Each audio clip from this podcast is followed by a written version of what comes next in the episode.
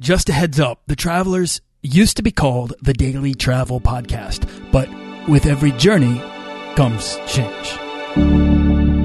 This podcast is produced by Holocene, a community of creative travelers. If you want to get serious about planning that next trip, writing that book, starting that creative project, or launching that business, we're breaking down the barriers between where you are where you want to be together at joinholocene.com. That's join, H O L O C E N E.com. This is episode 51 with travel consumer advocate Christopher Elliott. Do you want to travel further and more often to visit new places and meet new people and expand the role that travel plays in your life? I'm your guide, Nathaniel Boyle, an explorer that wants to help you get out, see the world, and find meaningful, life changing experiences. Everyone wants to be adventurous and have great stories, to do the stuff of legend. This is the Daily Travel Podcast. Now, before we dive in, if you want to get started earning frequent flyer miles or points to travel for as close to free as possible, then you can head on over to dailytravelpodcast.com and sign up for the weekly newsletter and get my book, The Beginner's Guide to Points and Miles, completely free. Okay, today's guest is on an open ended trip around the world with his family, covering his adventures on National Geographic and the Huffington Post. Now, way back in 1994, he founded the internet's first business travel website, and in 1996, he started blogging before it was even called blogging. He became ABCNews.com's first travel columnist in 1997 when he founded his consumer advocacy company to empower travelers to solve their service problems. Now, his writings have been published by National Geographic Traveler, USA Today, Washington Post, NPR, and many other massive publications. Most recently, he's the author of a book called How to Be the World's Smartest Traveler and Save Time, Money, and Hassle, and author of the Travel Troubleshooter. That's a mouthful. A weekly Q&A on National Geographic. And I'm probably missing a few other things because he does so much. So instead, let me paraphrase his bio. Christopher Elliott knows how to help people travel better. And I wanted to have him on the show to pick his brain. So let's get right to it. Christopher, welcome to the Daily Travel Podcast. Hey, how you doing? I'm doing great. Thanks so much for coming on. I've uh, shared a little bit about you, but I want you to introduce yourself. Tell us who you are and how you got started traveling. Oh wow, that's such an open-ended question. Um, I mean, the the travel bug bit me a long, long, long time ago. Um, I grew up overseas. I grew up in Europe, Austria, and Germany. Uh, my parents were in the ministry, so we moved a lot. And so the nomadic lifestyle is one that I got used to from a very, very young age. And I think it just stayed with me. I think, you know, as I discovered um, my love for journalism and writing, I, I always thought there should be a, a way that I could do both. I could travel and I could write. And I think I, I started my career after J school really wanting to be a travel journalist. And I found that to be ultimately an empty experience because you can only write about the you know the the wonderful food at the French restaurant that you found in Paris, or the the inspiring hike into the Grand Canyon that you took, or the wonderful ski trip uh, in Park City, or you know you know insert name of where you are. So much, and and at some point you ask yourself, is there anything more to that? Maybe it's because I uh, my, my parents uh, were in the ministry that I, I thought there's got to be more. I need to help people, you know? So I didn't go to seminary. So what am I going to do here? And that's when I discovered consumer advocacy. I discovered that I could actually help other travelers because there was so much need. And this, this came at around about the same time in the early 90s when the, the full effects of airline deregulation were kicking in. And there was so much need, so many people with problems with uh, airline tickets, and we were just starting to get into the era of fees and of basing the airline business model on fees, and really of this very customer hostile attitude that pervaded the entire travel industry. So it was a really good time to be doing that, and I hopefully I've been able to help a lot of people with my advocacy work. But I still, like you and like all the listeners uh, to your podcast, I really am at heart a traveler. I love to travel. It's inspiring. I think travel is enlightening. It's an experience that makes you a better person. And don't we all want to be better people? I know I do. And uh, I can tell that you do too, just from what you just said. Just to start out right off the bat and to have kind of a nomadic upbringing. Um, how can you ever uh, resolve to a life in which you're doing the same thing every day or you're just stationary in one place when you grew up with this uh, exposure to an, uh, new cultures, new experiences. Once you start feeding that curiosity, I don't think it can ever be satiated. So I'm not surprised to hear that you would later on in your career be asking, is there something more? I mean, what a, isn't that the question all travelers kind of tend to ask themselves about a whole, a whole lot of things, but just about life in general? That's the thing is that, that, that people, that travelers ask themselves to begin with is, is there more, is there something outside my hometown, beyond the county line, beyond national borders? and you know what is that thing what am i looking for and some some travelers actually never stop looking and those actually are the best travelers those are the true adventurers that we uh, certainly I aspire to be is I want to be the person who keep who's at, at age 95 still asking that question. Yeah, absolutely. Chris, that's exactly the message I'm trying to kind of permeate into into every fiber of this show is is this sense that you can really get out there and become curious and continuously ask the questions by traveling more and it just questions beget more questions and adventure begets more adventure. Uh, so I, I love to hear that with your 20 years of uh, experience in the travel industry and as a consumer advocate, which could probably be uh, maybe a little disheartening at times to hear how how consumers need somebody to stand up for them in the travel. I, I, still I find it inspiring to hear you say that because you haven't lost heart and you're still kind of driving forward. Not only that, you're taking your family now along around the world on an uh, open ended journey. It, that's correct, right?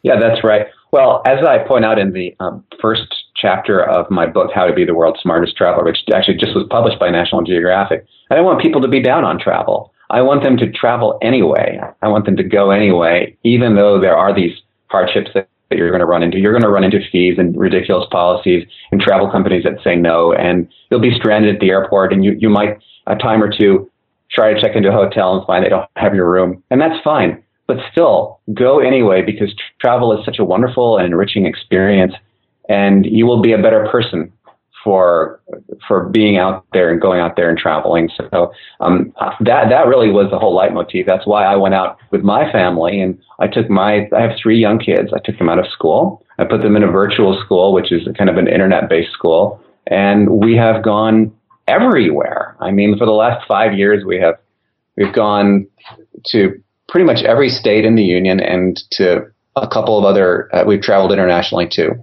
and it's been wonderful. And we've had our ups and downs, but the kids really now understand they've also been bitten by that nomadic bug. And let me tell you, once you've been bitten by it, you have to keep going. So they, they're the ones now who are pushing us. They're saying, when is our next trip, dad? well, to give your children that kind of exposure to the world, that desire to really, uh, to continuously branch out and see what else is out there and to ask that question, is there something more?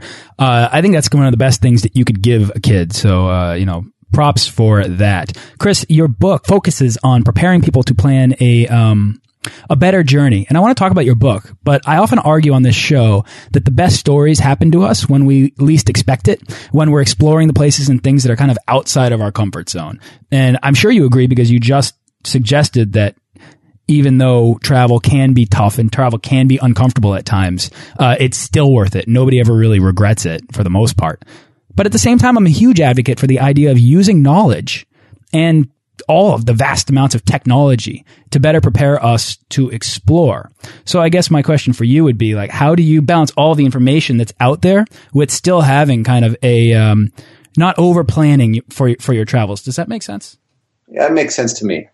I've always made a little fun of the, the people who head out there with the guidebooks and uh, every step of the way is planned. They know where they're having three meals and they know where they're staying and they're knowing, knowing which hotels, uh, which museums they're going to go to, which attractions they're going to see. And you see them out there, you know, with their um, guidebooks. They've got their uh, Frommers and their uh, Rick Steves guidebooks. Nothing wrong with that at all, but they're they're really um, not getting the they're not getting travel. I think if everything is planned and there's no spontaneity at all, that's part of the experience. Is is going somewhere and not knowing where you're going to eat, not knowing what you're going to do, not knowing the language even, and and still somehow having an amazing experience. I mean, we that that's we just had one of those in France.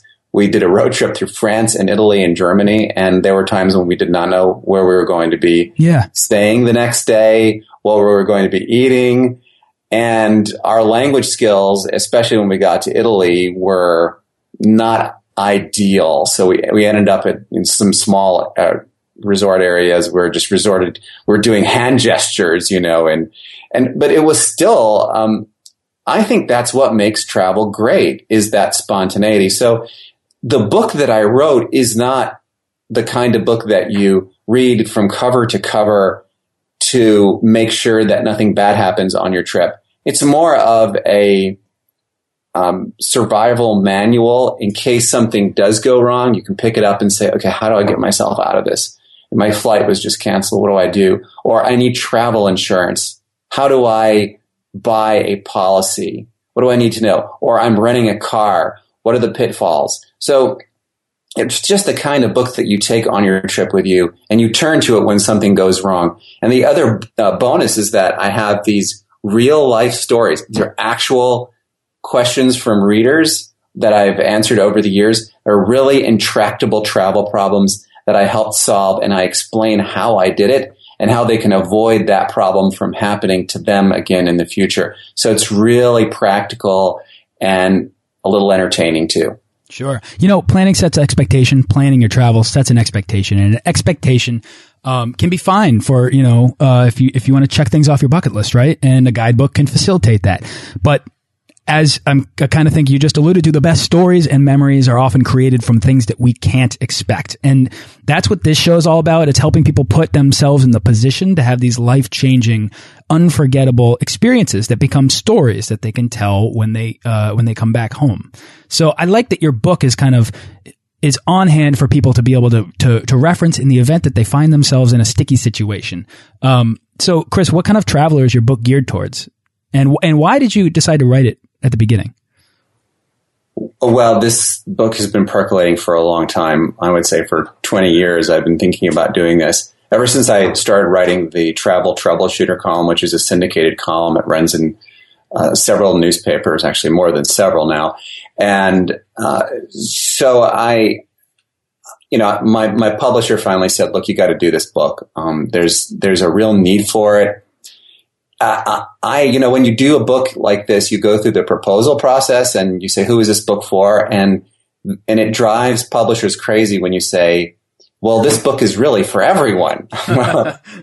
and, and, you know, the truth is that this is, this is not, if you are an expert uh, traveler and you're like on the road, um, three or four days out of the week and you're a business traveler, um, and you hang out on places like Flyer Talk and Mile Point, um, you may laugh at some of the advice in here because you, you know all this stuff, but I'm willing to bet that even for a real expert, you're going to find things in this book that are, well, you're going to say, I never knew that.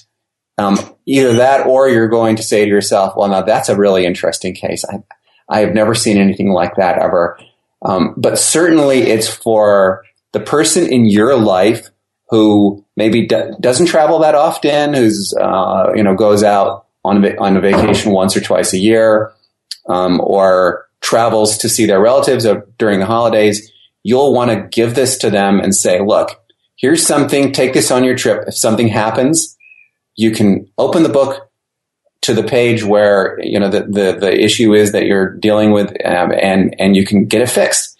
And um, I should also add that if there is no fix, I publish my phone number and my email address in the book. And you can call me or email me and I will do my best to fix it. I answer every single email that I get. Oh, wow. That's really, that's actually really nice. I mean, it's, it's way to be accessible because I think a lot of people get out there and, and there are a lot of nerves associated with travel in all different forms. I know that I was nervous before I took a big round the world backpacking trip and, uh, I came back completely changed and now I'm completely unafraid to do the same exact sort of travel. But at the time, I was going by myself. I was afraid of being alone. I was afraid of, uh, finding work. I was afraid of running out of money uh, all sorts of stuff. And, and that's just, that's just the personal stuff. And that's not even to mention all the logistic, uh, potential logistical pitfalls that you can uh, endure when you travel. But you know, it's really nice to know that somebody's uh, somebody's attuned to this. So, can you could you uh, are you writing this book from personal experience, and can you recount a personal experience and you wish in which you wish you had this book at your disposal? Oh, of course. Yeah, well, everything in this book is personal at the end of the day because this is what I do. I advocate for consumers. And so there have been many times in when I started out 20 years ago as a travel writer where I wish that I had someone maybe with some experience who could put his hand on my shoulder and say, don't worry, Chris, uh, this is all you need to do is this, and it's going to get fixed. Um, innumerable occasions where I just didn't get what I should have from a travel company, or I had a bad experience that was easily avoidable with a little bit of planning. And so this book would have really come in handy. But you know, I wanted to say something about what you had mentioned before about being nervous and uh, of, of yeah, uh, going on your around the world trip.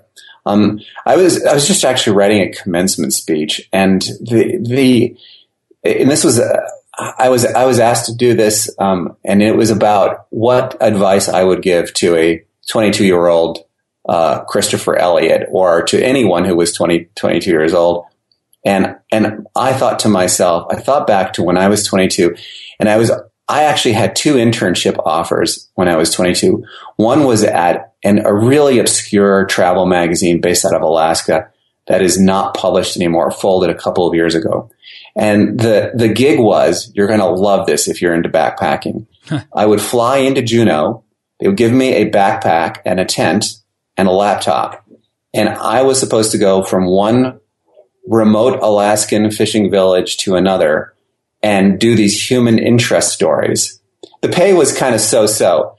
Wow. I had another offer from a financial news service and for a little bit more money, but it was nowhere near as adventurous. And my greatest regret was not taking that Alaskan um, internship because wow. I think it would have just been a, a mind blowing experience. You know, Alaska, it's an amazing place. Yeah. And, and I, and I think that that set me on a trajectory that made me think. And, and, and I'm just going to fast forward to a couple of years later. You know, I'm a, now I'm a consumer advocate and I'm specializing in travel and I'm answering all these questions. And one of the most common questions I get comes from someone who postponed their trips. They postpone, they, they postponed their nomadic lifestyle until after their very safe tick list life was near an end. They collected their pension check. They went, they got their retirement. They got their gold watch. And now they've, they bought an RV and they're crisscrossing the country or they're sailing around the world or they're traveling to, from one set of grandkids to the other. And something terrible happens and they're, they're immobilized and they, they need help from me getting a refund on a non-refundable airline ticket. And what this made me realize was that there is no time like the present you have to go out there and seize the moment and travel now while you still can. Because when you're 67 years old and retired, you might not be able to hike down into the Grand Canyon and you might not be able to go skiing or you might not be able to even, you might be in a walker. Who knows? So, you know, don't, don't wait. Go now. It would have been my advice. I would have told my 22 year old self to get lost. yes. Yes, no, I love it, and I, actually now I want to hear your commencement speech. So that's that sounds like a um, that's exactly the message that uh, I'm kind of trying to convey here because. I mean, a, a, lot of people ask me, you know, hey, where should I go? And, you know, where should I travel to now? Where would you go? And when people ask me where they should go, I often recommend that they take, they take a look at what opportunities are available to them today that might not be tomorrow. Now, that might be a destination, but it's also, and, and an example of a destination might be Cuba, which is set to rapidly change in the next few years, but that might also be a desire. And I don't think that a lot of people recognize that a desire to travel in a particular style, whether it's backpacking or not, maybe it's just taking a cruise or maybe it's, it's doing anything really. That desire is an opportunity that will pass you by if you if you let it if you keep putting off your travels into the future if you wait until you're 65 I know I've traveled with um, retirees before, and we got down to the Cape of Good Hope, and uh, there there's kilometers and kilometers of hikes that are gorgeous right down there at the, the southernmost point of Africa that you can take. And we got there, and the group that I was traveling with were largely uh, retirees. And while I wanted to go for a hike, it was like, hey, maybe I think we should go back have have lunch and take a nap. And I'm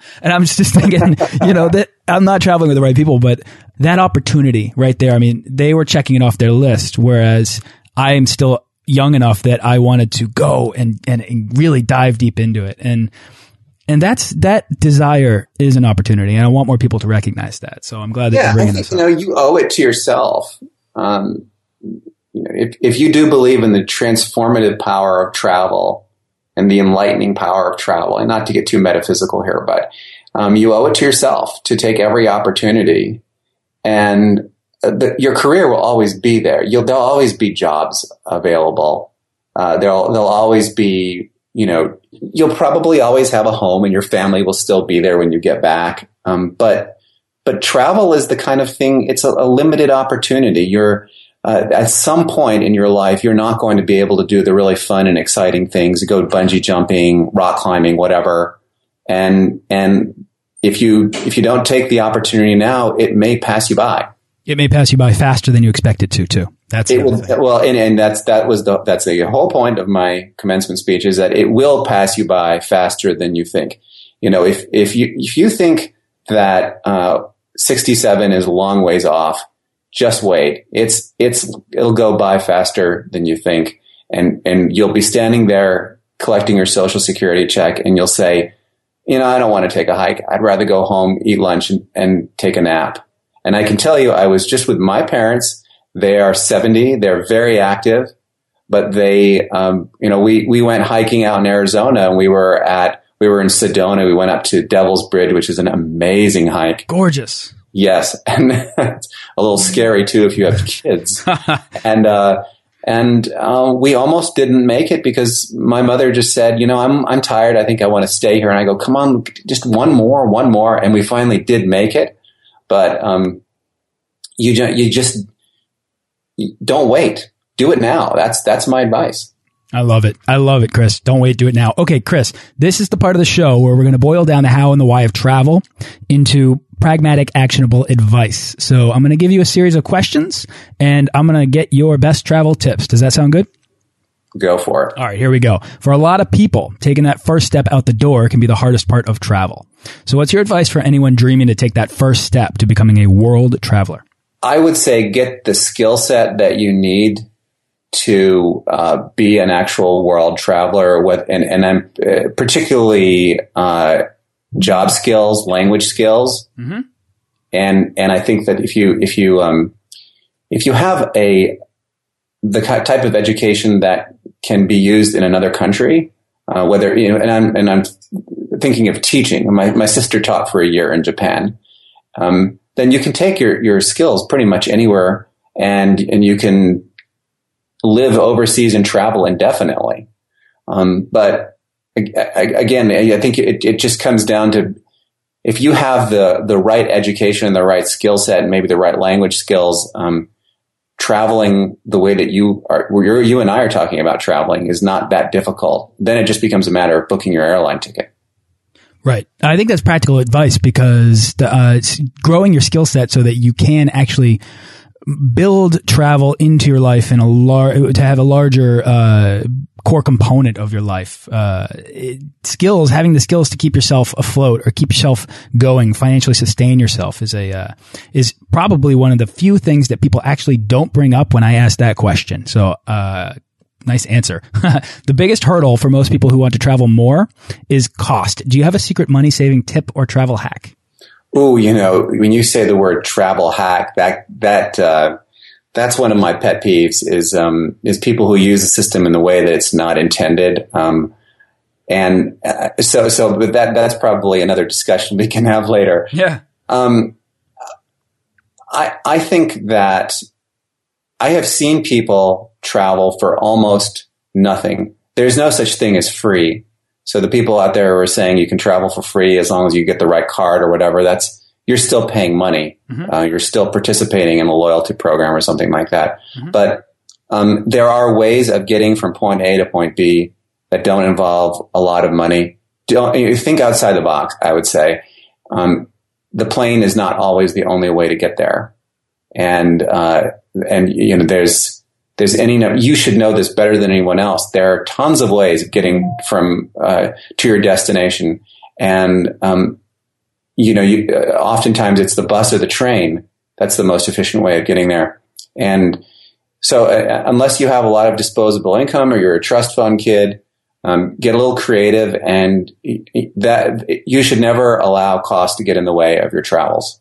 Absolutely. I often say when it comes to points miles or, if you will, travel hacking, I often find uh, that it's not necessarily traveling for free, but perhaps it's as close to free as possible. Um, overland travel, I think, is a great is a great way to save money. Absolutely. I know I took a um, rather than flying from taking a train to get to Gatwick and then flying over to Dublin recently, I took the train out of London, which was easier to get to, through Wales, and then uh, in Wales took a boat across the Irish Sea right into the, the port of Dublin. And that was a wonderful way to see Wales, to see the Irish Sea, to experience the culture, to see the people hop on and hop off that uh, you know the Welsh business people, and uh, it was cheaper. So uh, it was a, it was a huge win, and I enjoyed that day immensely because I just sat around on a boat and looked around and.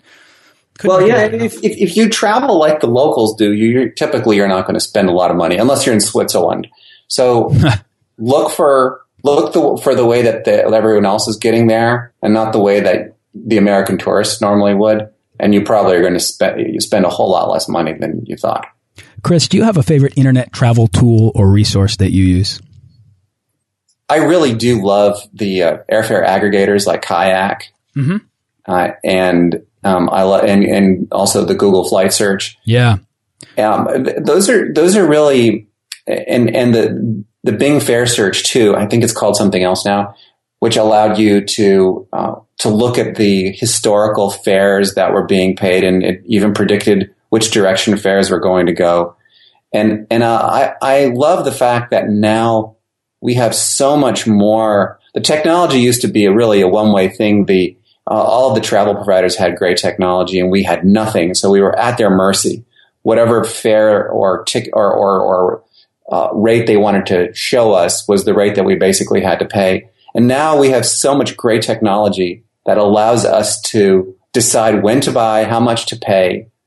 And it even, we can even see things that only travel agents used to see.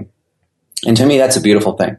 It's a very beautiful thing. It empowers us as consumers, and I'm sure that you appreciate that more than anybody. Um, do you have a favorite travel book, or maybe a book that's inspired your travels?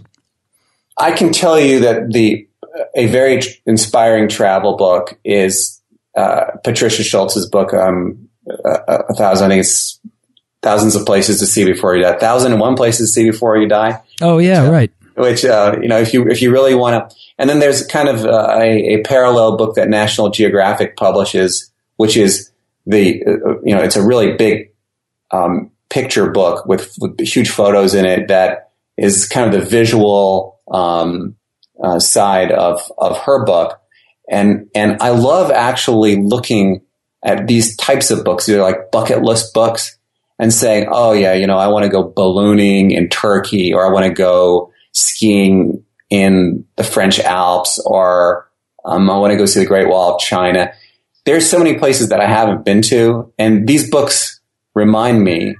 And I think that's really important is have something in your life that reminds you that your travels are really your travels are really only beginning and that there's so much more out there to see. And so a good inspiring travel book will will show you that there's much more to see uh, or tell you. And and I and that for me that's really important. No, oh, I love that. I love that. And you know what? That those books are great for sparking inspiration. I think what's unfair about that thousand and one places to see before you'll die before you die is that there's no way I will experience all of them. But uh, even so, it's just to dive in and it's like thumb through the pages. It takes me about three minutes, three seconds before I even find anything that, you know, I, I say, oh my God, I got to go and do that. And I got to do it soon. Yeah, you know, and I look at that book and I go, oh, let's see if I can find a place I've been. And I've been to a couple of those places, but yeah, you'd really be surprised. Like, I'm a consumer advocate, and so I don't really, except for the last five years, I haven't really gone anywhere. It's been a desk job. So uh, there are still a lot of places that I want to knock off my bucket list, and uh, that that's so a book like that really reminds me of how little I've traveled. And if you haven't already, you can get this book or any book mentioned on this show for free from audible.com by going over to freetravelbook.com. So check that out. All right. Do you have a favorite piece of travel gear that you take everywhere you go? Um, my iPhone. Common answer. Yeah. You know, um, and, well, actually my iPhone and my camera that I, I love taking pictures. And so I have several cameras and then also the iPhone that I take with me, and and it, it's really my kind of Swiss Army knife. Um, I know it's a common answer, but if you're a journalist or a blogger, that iPhone can you can do almost anything from just that iPhone from pretty much anywhere you are. So if you are tasked with maintaining a blog while you're away, your iPhone is your best friend. And it's it, when you're on a sinking ship, that's the one thing that you grab before you you uh, bail out. absolutely, absolutely. Um, all right, Chris. Last question: What's the weirdest thing you've ever eaten? oh my goodness! I reach way back here. I don't know. Um, I think uh, I think crawfish are pretty weird, um, but a lot, a lot, of people eat those. Um, it wasn't just crawfish. It was like the type, type of crawfish that is spiced so heavily that you feel the inside of your mouth melting when you're oh, no. eating crawfish. this happened in Louisiana about oh, 30 years ago. Um, I think that I, you know, I'm trying to think. I'm going to stick with that answer. It's a safe answer. Yeah, it's a, it's a, a G-rated answer. yeah, well, we're a clean show. I, I, I think we're a clean show. So uh, I'm going to accept that answer and roll with it. I actually, that sounds great to me. I would sit down and have some crawfish, spicy or not. Anytime, come on over. We'll have it with a couple of beers. All right. I'm going to take you up on that. Be careful. Um, Chris, is there anything else you'd like to share about travel before we wrap up? You know, I really found this conversation to be very inspiring for me. I mean, I'm I'm on. We're we're doing this just before the busy summer travel season starts, and uh, sometimes I get a little bit down on travel because I'm answering questions every day, and I really like your enthusiasm for traveling, and I find it to be infectious. So thank you. I appreciate it. Thank you. I actually really appreciate that too. I'm trying to transfer my energy and my beliefs about travel into the people that I talk to and also the people that are listening. Um, because to me, it's something that really does matter. And a big takeaway from this show for me is almost that there was kind of an underlying conversation about regrets or not having them. And nobody, almost nobody ever regrets traveling, but plenty of people regret not traveling more, not taking that trip, not doing that one thing. And if ever there was a, a debate inside anybody that, you know, about going or not going, or should I take this opportunity right now while I have it? My answer is always do it and then figure it out later. Um, Chris, it's been awesome to have you on. What's next for you? Where's your next trip or what's your next project? Well, I'm headed up to the panhandle of Florida to Destin, and uh, then we're we're going up to Washington D.C. and spending some time over there. And um, uh, after that, I'm not really sure, but um, I think I'm going to be in New York for a little while too. So we'll see. It's uh, it's all fun and games, and uh, we have no plans to stop. Good, good. Um, where can people go to find out more about you? Well, my website is elliott.org, E L L I O T T.org, and you can also sign up for my email newsletter there. And also, I don't mind giving out my email address on the air because, well, we're not really airing, but you know what I'm saying. Podcasting, yeah. um, elliottc at gmail.com, which is E L L I O T T C at gmail.com. And if any of your listeners find themselves in uh, trouble this summer and have, you know, particularly with their travels, I can't get them out of jail, unfortunately. Um, send me an email and I will do my best to help.